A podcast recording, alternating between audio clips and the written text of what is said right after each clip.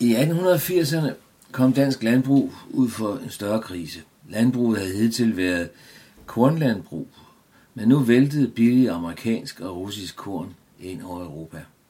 I Danmark var man nødt til at lægge landbruget om, så der blev større vægt på animalsk produktion, og det krævede, at man måtte importere foder for at forbedre, forbedre den hjemlige foderproduktion. Andelstanken slog også igennem inden for frøavl, og øh, i 1906 så blev Dansk Landbrugforeningens frøforsyning stiftet i København. Først omfattende foreningerne på Sjælland, så Bornholm og Møn, og fra 1913 blev DLF landsdækkende. Da de første danske andelsmejerier begyndte deres virksomhed, var det vanskeligt at klare vinterfodring med foder af tilstrækkelig god kvalitet, fordi dyrkningen af rødfrugt kun så småt var begyndt, og der var ingen egentlig frøavl af velegnede sorter. Der var heller ikke meget avl af rødkløver, hvidkløver, hundegræs og andre græsarter. Det skulle importeres fra Tyskland og andre lande i Europa, samt så fjerne steder som Australien og Sydamerika. En af stifterne af DLF var gårdejer Poul Nielsen fra Stævns, og han blev også den første formand. Han mente, det skulle være slut med at importere udenlands frø, og at man ved samarbejde skulle opnå at finde de bedste dansk afledte markfrø, der passede til dansk jord- og klimaforhold, og som måske også så kunne eksporteres. Og det var så et meget bevidst avlsarbejde, der blev indledt. Øh, så godt var det lykkedes, at ved DLF's 25-års jubilæum, så kunne man konstatere, at nu var det slut med dårlig frø, nu havde man godt frø, god høst og godt udbytte fra dansk jord, og at arbejdsfeltet egentlig var ubegrænset. Ved 50 års jubilæet i 1956 var frøproduktionsarealet vokset til det 12 dobbelte. Øh, oprindeligt så var det målet at producere frø til Danmark, men øh, billedet ændrede sig gennem årene til også at dyrke til eksport.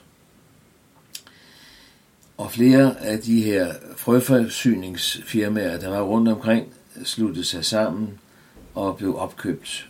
Og øh, et af dem, som blev opkøbt, var Langlands Frøavlskompani, og dermed også noget, som hed Dansk Plænegræs Aktieselskab.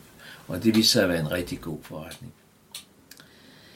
Der skete yderligere en koncentration ved at øh, danne et selskab, der hed Danseed, og i dag der hedder firmaet DLF Trifolium, og man satser på at blive øh, stor, virkelig stor, og det er man faktisk blevet. I 2003 så overtog man det hollandske selskab Sebeco Seeds Group, og dermed opnåede man 41% af markedsandelen i Europa og 20% af markedsandelene globalt inden for sit område. Dermed var de verdens største.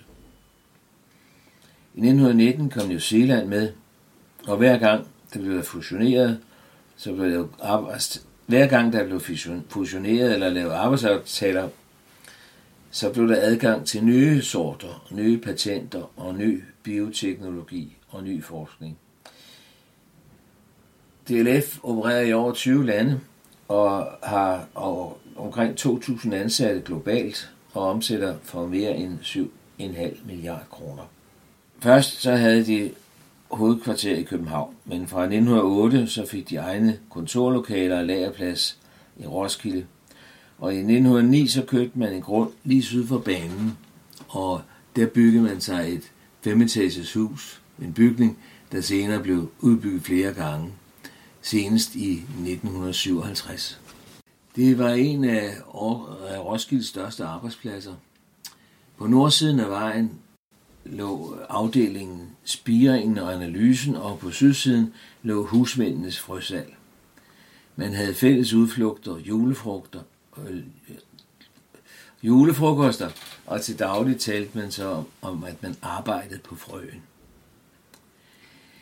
I dag er der stadigvæk frøkontorer i de store rustensbygninger. Det er hovedkontoret fra den verdensomspændende virksomhed DLF Trifolium, og her er der cirka 60 ansatte. Men der er også mange andre firmaer og styrelser, der har kontorer og arbejdspladser i de gamle magasiner. Bygningen overfor på sydsiden af Nøstergade er i dag en del af hospitalet Nordroskilde Roskilde Universitetshospital, men det har også været amtscentral for undervisningsmidler, og det er en rigtig god adresse, så tæt på bus og tog.